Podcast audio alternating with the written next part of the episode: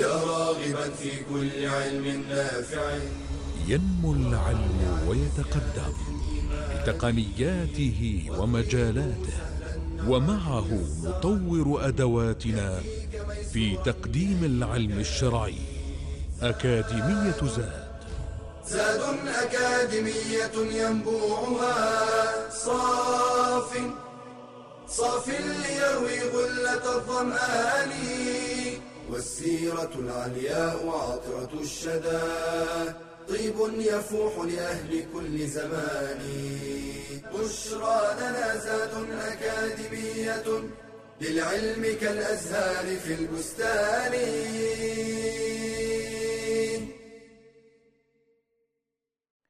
إن الحمد لله نحمده ونستعينه ونستغفره ونستهديه ونعوذ بالله من شرور أنفسنا وسيئات أعمالنا. من يهده الله فلا مضل له ومن يضلل فلا هادي له وأشهد أن لا إله إلا الله وحده لا شريك له وأشهد أن نبينا محمدا عبده ورسوله وصفيه وخليله وخيرته من خلقه أرسله ربه رحمة للعالمين. بلغ الرسالة وأدى الأمانة ونصح الأمة وكشف الله به الغمة. تركنا على المحجة البيضاء لا يزيغ عنها إلا هالك. صلوات ربي وسلامه عليه وعلى آل بيته الطيبين وصحابته الميامين والتابعين لهم بإحسان إلى يوم الدين وبعد حياكم الله إخواني وأخواتي طلاب وطالبات العلم في برنامج أكاديمية زاد في دورته الثانية وفي هذا المستوى الرابع من دراسة السيرة النبوية على صاحبها أفضل الصلاة وأتم التسليم نتدارس في هذا المستوى الرابع شيئا من مواقفه صلى الله عليه وسلم وأحواله وما يعرض له عليه الصلاة والسلام. آه، نتحدث في هذا اللقاء عن شيء مما يحبه النبي صلى الله عليه وسلم، فنبدأ بما يحبه من الناس.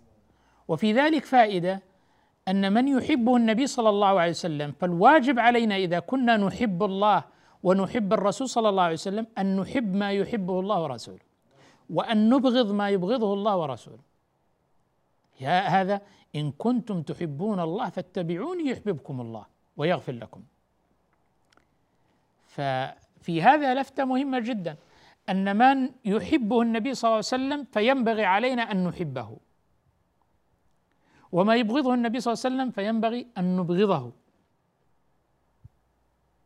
وما أحبه النبي صلى الله عليه وسلم فذلك دليل فضله. فمن ممن يحب الناس وأعلاهم وأكرمهم وأرقاهم الصديق رضي الله تعالى عنه وأرضاه أبو بكر الصديق. كان أحب الخلق إلى رسول الله صلى الله عليه وسلم أبو بكر الصديق. كيف لا؟ وهو رفيقه في الهجرة وهو أنيسه في الغار وهو أفضل الصحابة وهو الصديق إذ قال النبي صلى الله عليه وآله وسلم عن أبي بكر هل أنتم تاركوا لي صاحبي؟ أبو بكر آمن بي إذ كفر بي الناس. وصدقني إذ كذبني الناس وواساني بنفسه وماله. رضي الله تعالى عنه وأرضاه. اذا هذه منزلة عظيمة للصديق عند رسول الله صلى الله عليه وسلم فهو أفضل الخلق اطلاقا عند رسول الله صلى الله عليه وسلم وأحبهم إليه. بل هو بل هو أفضل الأمة بعد الرسول صلى الله عليه وآله وسلم. ومما يشير إلى ذلك أن عمرو بن العاص رضي الله عنه أن النبي صلى الله عليه وسلم بعثه على جيش ذات السلاسل. سرية من السرايا تولاها عمرو بن العاص وإن كان أسلم آه، متاخرا رضي الله تعالى عنه وأرضاه. فكونه النبي صلى الله عليه وسلم يولي هذا الجيش يولي عمرو بن العاص وصلت رسالة أن النبي صلى الله عليه وسلم يحبه ويقدره وله مكانة في نفسه فأحب عمرو بن العاص أن يتعرف على مكانته ويسأل يسأل النبي صلى الله عليه وسلم فقد ظن أنه أقرب الناس وأحب الناس إلى النبي صلى الله عليه وسلم. فقال يا رسول الله أي الناس أحب إليك؟ قال عائشة. فبدأ بعائشة رضي الله عنها. فهي تجتمع فيها المحبة الجبلية الفطرية والمحبة الدينية. أما الجبليه الفطريه فطبيعي إن الإنسان يحب زوجته ويودها. موده ورحمة. هذا شيء جبلي أن يحب الإنسان زوجته. وأيضا دينية فهي الصديقة بنت الصديق رضي الله عنها وما كانت عليه من الفضل رضي الله تعالى عنها وارضاها قال عائشة قال لا من الرجال يا رسول الله. قال أبوها أبو بكر. قال ثم من؟ قال عمر. قال ثم من؟ قال عثمان. قال ثم عدد رجالا.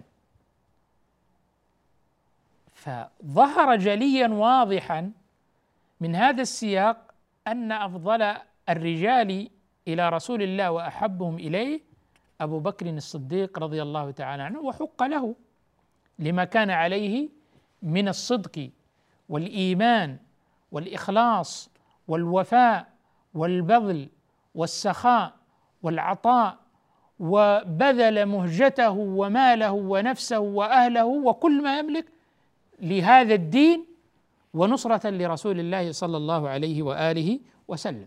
فهذا تصريح واضح جدا بالمحبة وتصريح واضح جدا بالمكانة و يعني رد واضح وبين على كل من يحاول أن يتطاول. ولو بكلمة على مقام الصديق رضي الله تعالى عنه ومقام هؤلاء الجبال الكرام مكانتهم من النبي صلى الله عليه وسلم.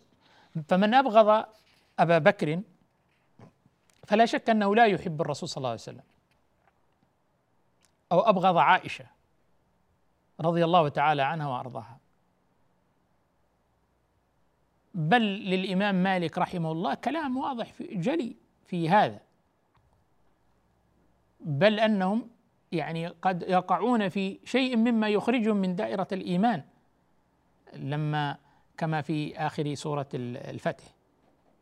الشاهد أن أبا بكر كان له مكانة علية سنية وكان من أحب الناس إلى رسول الله صلى الله عليه وآله وسلم. فنحن نحب الرسول صلى الله عليه وسلم ونحب أبا بكر ونحب عمر وعثمان وعلي وعائشة وجميع أصحاب النبي صلى الله عليه وسلم. نحبهم ونجلهم ونوقرهم وندعو لهم ونترضى عنهم ونشعر تجاههم بمزيد حب وتقدمه لهم وتكريما لهم وانهم ساده الناس وافضل الناس واكرم الناس واحب الناس إلى رسول الله صلى الله عليه وسلم فنحن نحبهم ولسابقتهم ولفضلهم ولنصرتهم للدين ولصحبتهم لرسول الله صلى الله عليه وسلم نقبل من محسنهم ومن بدر منه بادرة فإن آه، نغضي عنه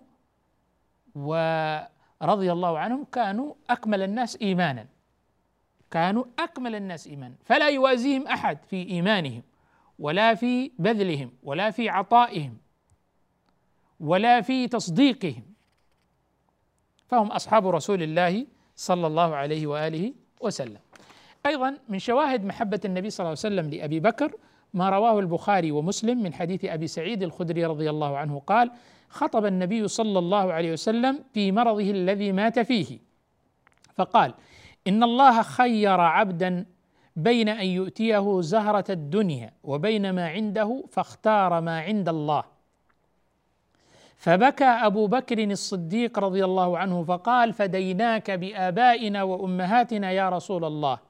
فقلت في نفسي أبو سعيد ما يبكي هذا الشيخ إن يكن الله خير خير عبدا بين الدنيا وبين ما عنده فاختار ما عند الله؟ يعني عبد من عباد الله خيره الله بين ما عنده وبين الدنيا فاختار ما عند الله. إيش اللي يخلي هذا الشيخ يبكي ويتكلم هذا الكلام؟ فكان الرسول صلى الله عليه وسلم هو العبد المخير وكان أبو بكر أعلمنا. هذا من من مزيد علمه وفقهه ومعرفته بخطاب رسول الله صلى الله عليه وسلم ومزيد فطنته ومزيد تناغمه مع رسول الله مع صاحبه صلى الله عليه وسلم ورضي الله عن أبا بكر.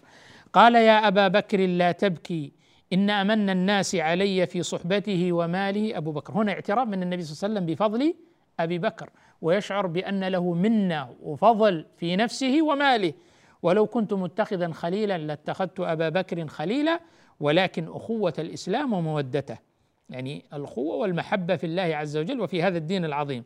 ثم قال لا يبقين في المسجد باب إلا سد. سدت جميع الأبواب التي كانت تفتح على المسجد النبوي إلا باب أو إلا باب أبي بكر. فبقي رضي الله تعالى عنه وأرضاه. وهذا مزيد تكرم لأبي بكر وتعريف بمنزلة أبي بكر الصديق رضي الله تعالى عنه.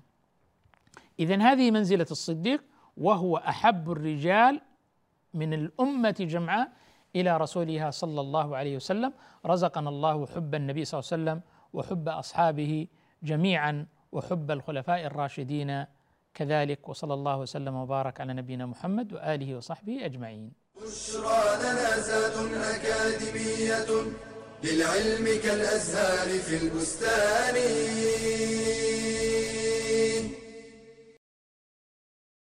لقد من الله على المؤمنين إذ بعث فيهم رسولا من أنفسهم يتلو عليهم آياته ويزكيهم ويزكيهم ويعلمهم الكتاب والحكمة وإن كانوا من قبل لفي ضلال مبين. الإيمان بالرسل ركن من أركان الإيمان وواجب اعتقادي من أعظم الواجبات. فالرسل هم المبلغون عن الله رسالته والمقيمون على الخلق حجته. فإرسال الرسل من أعظم نعم الله على خلقه وخصوصا محمدا صلى الله عليه وسلم خاتم الأنبياء وأفضل المرسلين. والإيمان بالرسل يتضمن التصديق بأن الله تعالى بعث في كل أمة رسولا منهم يدعوهم إلى عبادة الله والكفر بما يعبد من دونه. الاعتقاد بأنهم جميعا صادقون قد بلغوا جميع ما أرسلهم الله به. فلم يكتموا ولم يغيروا.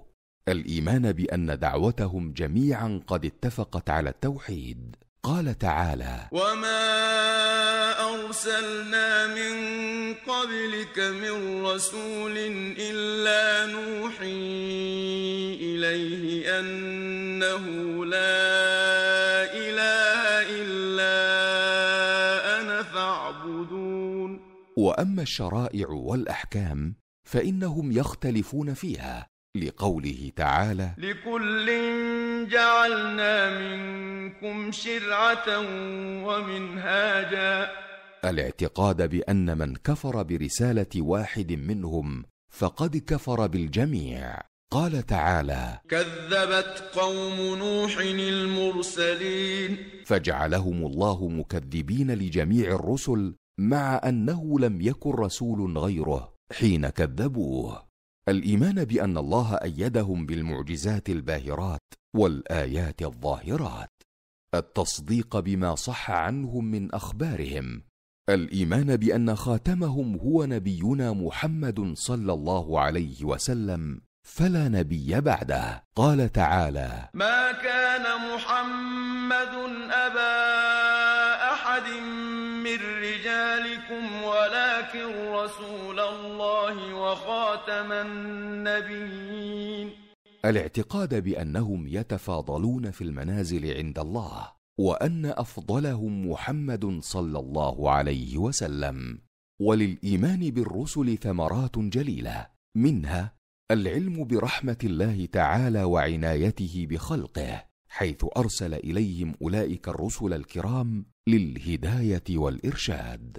شكر الله تعالى على هذه النعمة الكبرى.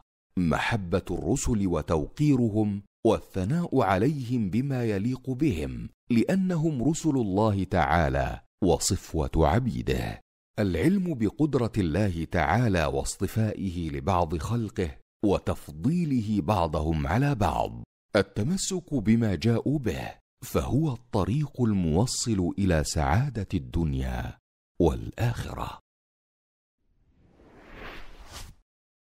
بشرى لنا زاد أكاديمية للعلم كالأزهار في البستان. الحمد لله والصلاة والسلام على رسول الله وعلى آله وصحبه ومن والاه وبعد. آه، فلا زلنا نتحدث عن من يحب النبي صلى الله عليه وسلم من آه، الخلق ومن الناس. ذكرنا قبل الفاصل محبته للصديق رضي الله تعالى عنه لأبي بكر. ثم أن الرجل الثاني الذي يأتي بعد الصديق في المحبة والفضل والقربى من رسول الله صلى الله عليه وسلم يأتي الفاروق عمر بن الخطاب رضي الله تعالى عنه وأرضاه. عمر الذي كان النبي صلى الله عليه وسلم يدعو الله عز وجل اللهم أعز هذا الدين بأحب العمرين إليك. عمرو بن هشام أبو جهل أو عمر بن الخطاب. فكان عمر بن الخطاب هو الأحب إلى الله تعالى. وسمي الفاروق لأن الله قد فرق به بين الحق والباطل. وكان ملهما رضي الله تعالى عنه. وقال النبي صلى الله عليه وسلم عنه لم أرى عبقريا يفري فريه وقال عنه أيضا صلى الله عليه وسلم أشد الناس في دين الله عمر كان يأخذ بالعزائم رضي الله تعالى عنه وأرضاه. منزلة عمر في المحبة تأتي بعد أبي بكر الصديق رضي الله تعالى عنه في الحب والفضل وعلى ذلك أن النبي صلى الله عليه وسلم مرة رأى أبا بكر وعمر فقال لمن حوله هذان السمع والبصر. هذان السمع والبصر.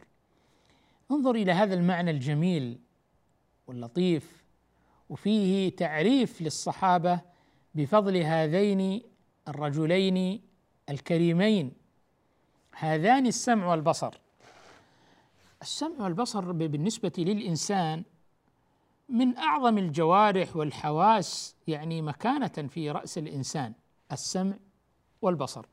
والله سبحانه وتعالى قد امتن على عباده كثيرا بهذه النعمة في كتابه وهي من أكثر أكثر النعم التي يمتن بها الله عز وجل على عباده. وجعل لكم السمع والأبصار والأفئدة.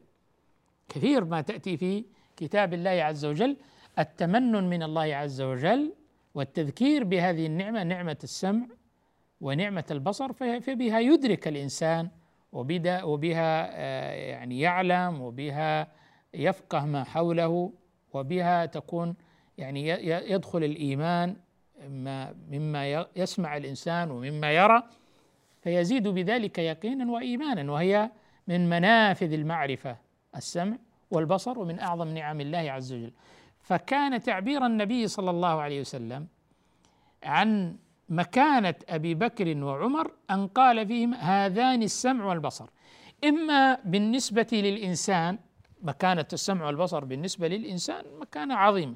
وإما بالنسبة له صلى الله عليه وسلم بالنسبة له أنهم أشبه بما يمثلان له السمع والبصر له صلى الله عليه وسلم لمكانتهما عند النبي صلى الله عليه وسلم. أو مكانتهما في الدين أن أبا بكر وعمر مكانتهما في الدين كالسمع والبصر بالنسبة للجسد. هذا إشارة لمكانة هذين الرجلين ومنزلتهما في الحب والفضل. لما قال عبد الله بن شقيق رضي الله عنه ورحمه قال قلت لعائشة رضي الله عنها أي أصحاب النبي صلى الله عليه وسلم كان أحب إليه؟ يسأل من كان أحب الناس إلى من الصحابة إلى النبي صلى الله عليه وسلم؟ وعائشة هي زوج النبي صلى الله عليه وسلم وأدرى والزوجه تعرف من زوجها أكثر مما يعرف كثير من الناس فهي تعرف في كل أحواله صلى الله عليه وسلم. فسألها عن أحب الناس من الصحابة فقالت أبو بكر أبوها أبو بكر الصديق أحب الناس أحب الصحابة إلى رسول الله صلى الله عليه وآله وسلم. قلت يعني عبد الله بن شقيق ثم من؟ من يأتيه منزلة بعده يليه؟ قالت عمر رضي الله تعالى عنه. إذا منزلة عمر بن الخطاب رضي الله عنه في المحبة عند رسول الله صلى الله عليه وسلم بعد أبي بكر الصديق رضي الله تعالى عنه. قلت يعني عبد الله بن شقيق ثم من؟ قالت أبو عبيدة ثم أبو عبيدة عامر بن الجراح. الذي لقبه النبي صلى الله عليه وسلم بأنه أمين هذه الأمة. إن لكل أمة أمينة وأمين هذه الأمة أبو عبيدة عامر بن الجراح. وهو من العشر المبشرين بالجنة رضي الله تعالى عنه وأرضاه. إذا هذه أحاديث واضحة جدا تبين منزلة عمر رضي الله عنه في المحبة والمكانة والفضل عند رسول الله صلى الله عليه وسلم وأنه بعد الصديق رضي الله تعالى عنه. قلت ثم من؟ فسكتت رضي الله تعالى عنها وأرضاها. فهذا يعني هذه الأحاديث تشير بجلاء ووضوح إلى مكانة عمر ومحبة النبي صلى الله عليه وآله وسلم.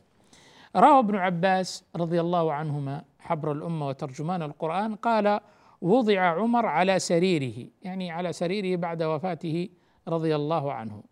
فتكنفه الناس يعني كانوا كنفته يعني حوله محيطين به وهو على سريره يدعون ويصلون يدعون له ويصلون عليه قبل أن يرفع فيذهب به إلى قبره. قال وأنا فيهم. يعني ابن عباس كنت حاضر لهذا المجلس. ولهذه الحالة التي كان فيها الفاروق مسجن على سريره على سرير الموت رحمه الله ورضي الله تعالى عنه وأرضاه. فقال رجل وأيم الله هذا قسم إن كنت لأظن أن يجعلك الله مع صاحبيك أظن يعني كنت أعتقد اعتقادا جازما أن الله سيجعلك مع صاحبيك. اللي هما النبي صلى الله عليه وسلم وأبو بكر. لأني كثيرا ما كنت أسمع النبي صلى الله عليه وسلم يقول كنت وأبو بكر وعمر فعلت وأبو بكر وعمر انطلقت وأبو بكر وعمر فكنت لأرجو أن يجعلك الله معهما. فالتفت فإذا هو علي بن أبي طالب رضي الله تعالى عنه رواه البخاري ومسلم. يعني ابن عباس يقول سمعت رجل في الأخير تبين أن هذا الرجل الذي يقول هذا الكلام هو علي بن أبي طالب يقول كثيرا ما كنا نسمع. النبي صلى الله عليه وسلم يقول أنا وأبو بكر وعمر ذهبت أنا وأبو بكر وعمر جئت أنا وأبو بكر وعمر. يؤمن بهذا أبو بكر وعمر. قمت وأنا أبو بكر وعمر فعلت أنا وأبو بكر وعمر. يعني دائما هما السمع والبصر والرفيقان والصاحبان والقريبان. فكان ترديد هذا المعنى يقول علي أنه وقع في نفسي أن الله عز وجل سيلحق عمر بصاحبيه ويجعله معهما. ولذلك آه، في حجرات النبي صلى الله عليه وسلم لما دفن رسول الله صلى الله عليه وسلم ودفن أبو بكر ثم عمر رضي الله عنه. فكما رافق آه، عمر رضي الله عنه صاحب هذين الصاحبين رسول الله وأبو بكر في حياتهما في ذهابهما ومجيئهما وفعلهما وقيامهما بواجبه أكرمه الله عز وجل بأن ألحقه بهما. فيدفن مع النبي صلى الله عليه وسلم ومع صاحبه أبي بكر. فتجاورا في الدنيا في حياتهما وتجاورا في قبرهما وإن شاء الله أنهما سيتجاوران في الآخرة. فهما حبيباه وهما السمع والبصر ومن أحب النبي صلى الله عليه وسلم فليحب أبا بكر وعمر. فما احبهما النبي صلى الله عليه وسلم إلا لفضلهما ولمكانتهما ونصرتهما لهذا الدين العظيم فاحبهما النبي صلى الله عليه وسلم وما كساهم الله به من الدين والخلق والفضل والإحسان. فلذلك من أحب النبي صلى الله عليه وسلم أحب هذين الرجلين العظيمين وهما شيخا الإسلام. أبو بكر وعمر. يليهما في الفضل عثمان رضي الله تعالى عنه. بعد الفاصل نتحدث عن محبة النبي صلى الله عليه وسلم لعثمان. بشرى لنا زاد أكاديمية للعلم كالأزهار في البستان.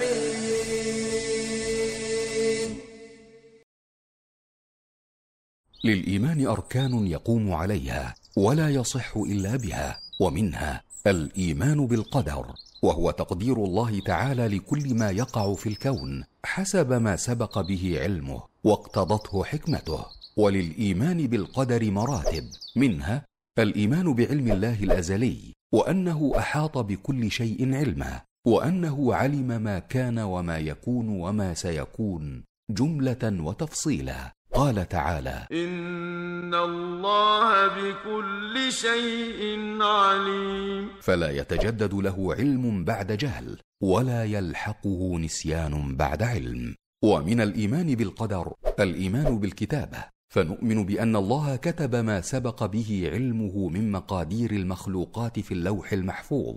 فكل ما جرى وما يجري وكل كائن إلى يوم القيامة مكتوب عند الله. قال تعالى وكل شيء أحصيناه في إمام مبين وفي الحديث إن أول ما خلق الله القلم فقال له اكتب فجرى بما هو كائن إلى الأبد. ومن الإيمان بالقدر الإيمان بالإرادة والمشيئة. فنؤمن بأن كل ما يجري في هذا الكون إنما هو بإرادة الله ومشيئته. فما شاء الله كان وما لم يشأ لم يكن لا يسأل عما يفعل لكمال حكمته وسلطانه وهم يسألون. ومن الإيمان بالقدر الإيمان بالإيجاد والخلق فنؤمن بأن الله خالق كل شيء لا خالق غيره ولا رب سواه وأن كل ما سواه مخلوق فهو خالق كل عامل وعمله وكل متحرك وحركته. قال الله تعالى الله خالق كل شيء وهو على كل شيء وكيل. فمن آمن بالقدر توكل على الله ولجأ إليه فالخير كله من عنده سبحانه. ومن آمن بالقدر أخذ بالأسباب المشروعة لأنها من القدر فإهمال الأسباب نقص في العقل والتوكل عليها نقص في التوحيد. ومن آمن بالقدر اطمأنت نفسه وثبت عند المصائب لعلمه أنها مقدرة. قال تعالى ما أصاب من مصيبة في الأرض ولا في أنفسكم إلا في كتاب من قبل أن نبرأها. إن ذلك على الله يسير لكي لا تأسوا على ما فاتكم ولا تفرحوا بما آتاكم والله لا يحب كل مختال فخور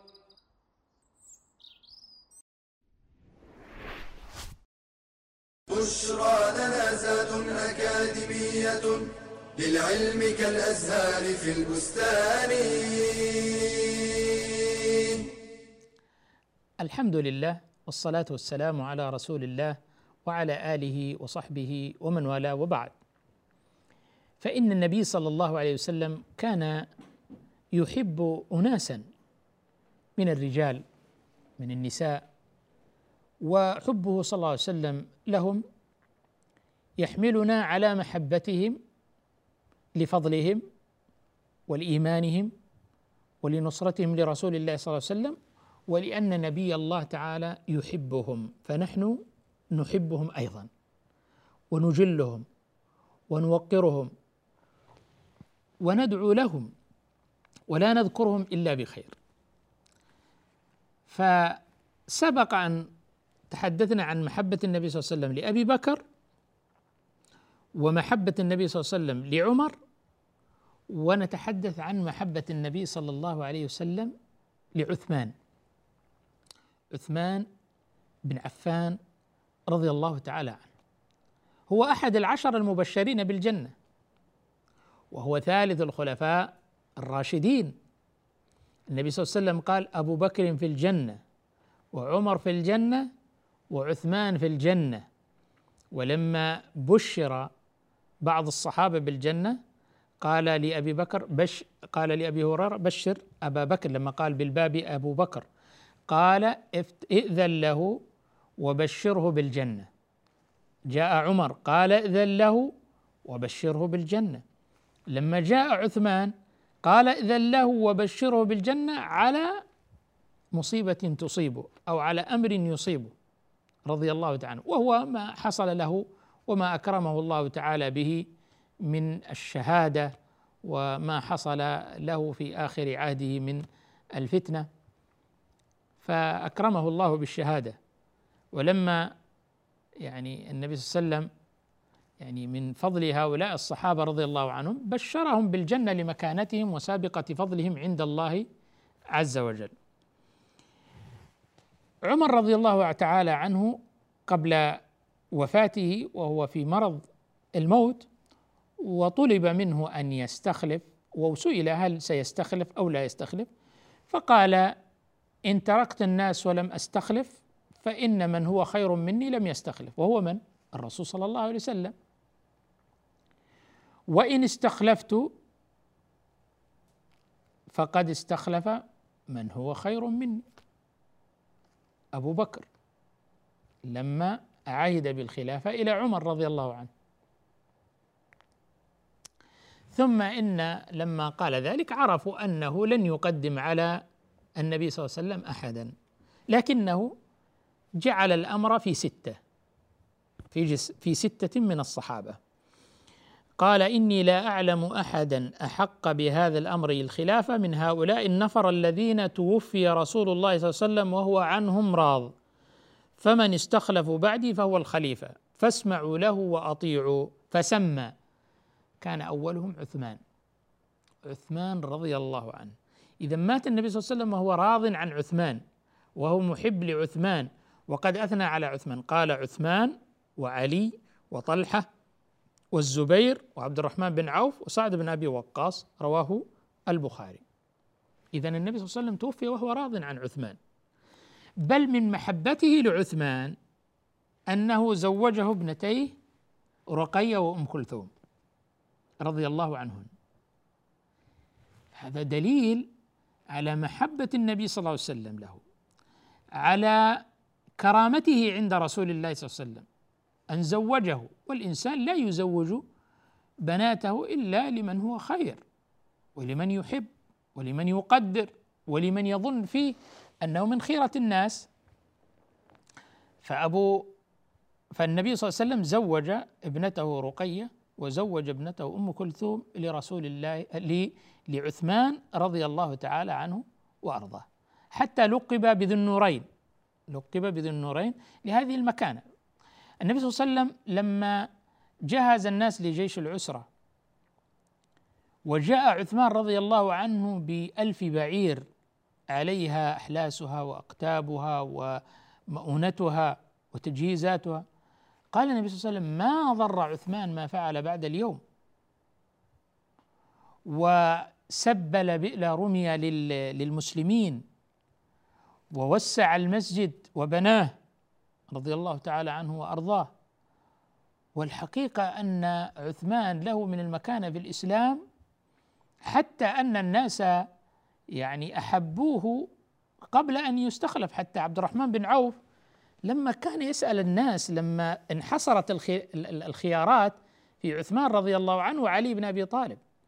فكان عبد الرحمن بن عوف يسأل أهل المدينة الرجال والنساء الصغار والكبار الأشراف منهم الأحرار والإماء. فكان يقول عبد الرحمن ما لقيت أحدا قدم على عثمان أحد. ما أحد كلهم يقول عثمان. هذا دليل على مكانته رضي الله عنه. فهو أحد الخلفاء الراشدين الثلاثة الذين أوصانا النبي صلى الله عليه وسلم أن نستنى بسنتهم. عليكم بسنتي وسنة الخلفاء الراشدين المهديين من بعدي. فهذا دليل على محبته ومكانته وفضله وحتى لما سئل من ضمن الذين عدد أسماءهم النبي صلى الله عليه وسلم أنه يحبه عثمان رضي الله تعالى عنه وأرضاه. النبي صلى الله عليه وسلم كان من توقيره لعثمان رضي الله عنه أنه كان يستحي من عثمان. لما دخل أبو بكر والنبي صلى الله عليه وسلم على هيئة قد انحسر شيء شيء من ثوبه عن ركبته. فدخل أبو بكر ولم يغير النبي صلى الله عليه وسلم من جلسته شيء. ثم دخل عمر ولم يغير النبي صلى الله عليه وسلم من جلسته. فلما دخل عثمان استوى النبي صلى الله عليه وسلم وأرسل ثوبه دون ركبته. إلى معروف كان إزرة النبي صلى الله عليه وسلم إلى أنصاف سيك فقالت عائشة يعني مستغربة من هذا الصنيع. يعني يا رسول الله دخل أبو بكر ودخل عمر فلما تصنع ما صنعت لما دخل عثمان. قال ألا أستحي من رجل تستحي منه الملائكة؟ شيء عجيب. يعني ما هذه المكانة الرفيعة الجليلة ما هذا الخلق العظيم؟ ما هذه المكانة السامقة لهذا الرجل الكريم الحيي العظيم السخي؟ يعني اجتمعت الفضائل في هذا الرجل العظيم عثمان بن عفان رضي الله عنه. كان كريم. لما جاءوا التجار تجار المدينة في فترة مجاعة أصابت المدينة وقد قدمت عير لعثمان رضي الله عنه محملة بالخيرات والأرزاق ومن الثياب والمطاعم والمشارب وكل شيء. فجاءوا التجار قالوا نعطيك بالدرهم درهمين يعني نكسبك الضعف. قال أعطيت أكثر. قالوا نعطيك بالدرهم ثلاثة. قال أعطيت أكثر. أربعة خم لما قالوا إلى خمسة قالوا والله ما بالمدينة من تجار غيره فمن الذي أعطاك أكثر من هذا؟ فقال إن الله أعطاني بالدرهم عشرة. أي الحسنة بعشر أمثالها والله يضاعف لمن يشاء. هي صدقة لوجه الله. فما منع من فوزعت على بيوت المدينة وأهل المدينة وفقراء المدينة والمحتاجين وأغنى الناس عثمان رضي الله عنه بهذه التجارة ولم يأخذ منها شيئا واحتسب أجره عند الله. كيف لا يحبه الرسول صلى الله عليه وسلم؟ هذا الإنسان الحيي السخي الكريم السابق للإسلام رضي الله تعالى عنه فكان عثمان من ممن آه، أحبه الرسول صلى الله عليه وسلم وبشره بالجنة. فيا خيبة من تجرع على عثمان في حياته أو بعد مماته رضي الله تعالى عنه وأرضاه وله هذه المكانة السامقة فاننا والله لنشهد الله وملائكته وجميع خلقه. أننا نحب رسول الله صلى الله عليه وسلم ونحب أبا بكر وعمر وعثمان وعلي والصحابة أجمعين نسأل الله سبحانه وتعالى أن يجمعنا بهم في الفردوس الأعلى من الجنة وصلى الله وسلم وبارك على نبينا محمد وآله وصحبه أجمعين. يا راغبا في كل علم نافع متطلعا لزيادة الإيمان وتريد سهلا النوال ميسرا يأتيك ميسورا بأي مكان. زاد زاد أكاديمية ينبوعها. صاف صاف ليروي غلة الظمآن. بشرى لنا بشرى لنا بشرى لنا. زاد أكاديمية للعلم كالأزهار في البستان.